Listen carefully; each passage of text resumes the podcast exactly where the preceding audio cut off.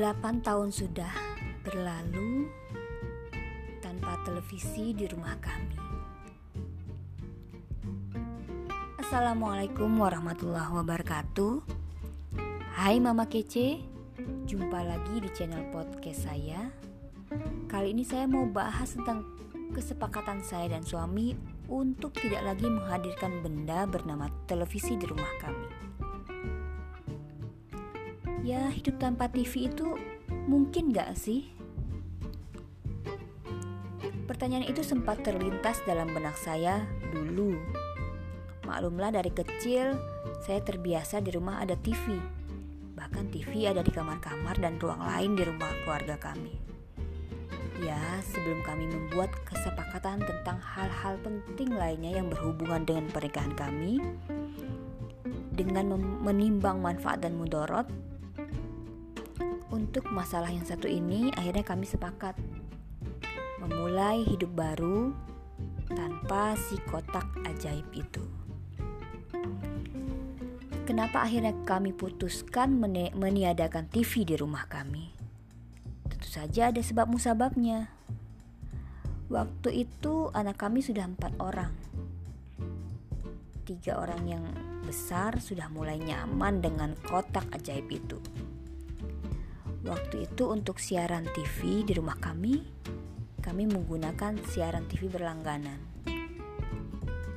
Alasannya simple, karena memang banyak program khusus anak dan balita di siaran TV berlangganan tersebut.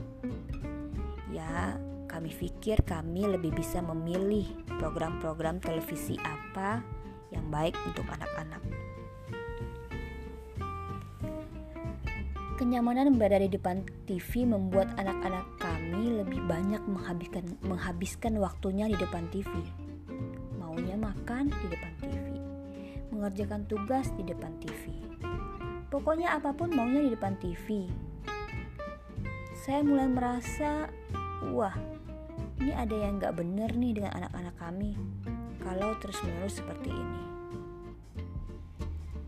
Kalau sudah di depan TV, kita panggil, mereka itu akan lama nyautnya. Seperti sudah terbuai dengan tontonan yang ada di kotak ajaib itu. Awalnya kami coba batasi, tapi ya anak-anak jadi sering tantrum. Duh, kebayangkan menghadapi tiga anak tantrum.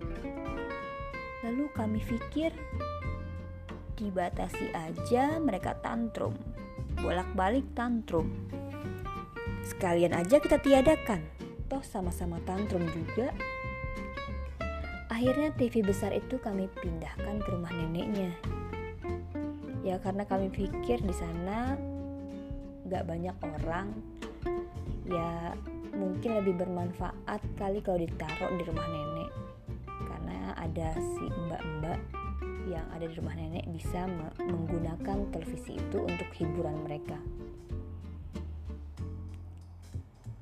Lalu ketika TV sudah tidak ada di rumah kami, apa yang kami hadapi? Oh ya, tentu saja hari-hari selanjutnya adalah kami menghadapi anak-anak yang tantrum, gampang bad mood karena bosan dan keinginan nonton TV Akhirnya saya coba mengalihkan mereka ke beberapa aktivitas fisik. Ajak berenang, main sepeda, berlari di taman. Ya memang lebih melelahkan karena yang kami handle bukan cuma satu anak. Tapi nggak apa-apa, inilah harga yang harus kami bayar untuk menyelamatkan anak kami dari kecanduan menonton televisi. Selain itu kami mulai intens menyediakan berbagai mainan yang mengasah otak dan meningkatkan kreativitas. Lego-lego, blog, dan buku-buku serta mainan edukasi kami investasikan lebih intens lagi untuk mengisi waktu mereka. Seiring waktu, lama-lama ya biasa aja nggak ada TV. Malah asyik, karena kami lebih sering ngobrol anak-anak malah sering berbicara dengan kami, berkomunikasi tentang apa pun yang mereka alami, apa pun yang mereka lakukan. Hidup tanpa TV itu sekarang benar-benar terasa asik apalagi sekarang banyak acara-acara sampah yang sebenarnya nggak layak tonton. Ya tak terasa sudah lebih dari 8 tahun kami tak lagi punya TV dan kami happy. Waktu terasa lebih produktif anak-anak pun semakin kreatif. Hidup terasa lebih hidup.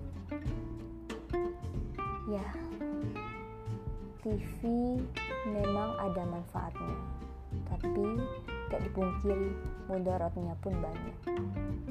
Akhirnya kami memilih untuk hidup tanpa si kotak ajaib itu. Oke, itu dulu sharing dari saya kali ini. Semoga bisa diambil manfaatnya ya. Insya Allah kita jumpa lagi di episode berikutnya di podcast saya ini bertemu di channel Mama Kece Terima kasih sudah mendengarkan podcast saya ini. Semoga bermanfaat untuk kita semua. Wassalamualaikum warahmatullahi wabarakatuh.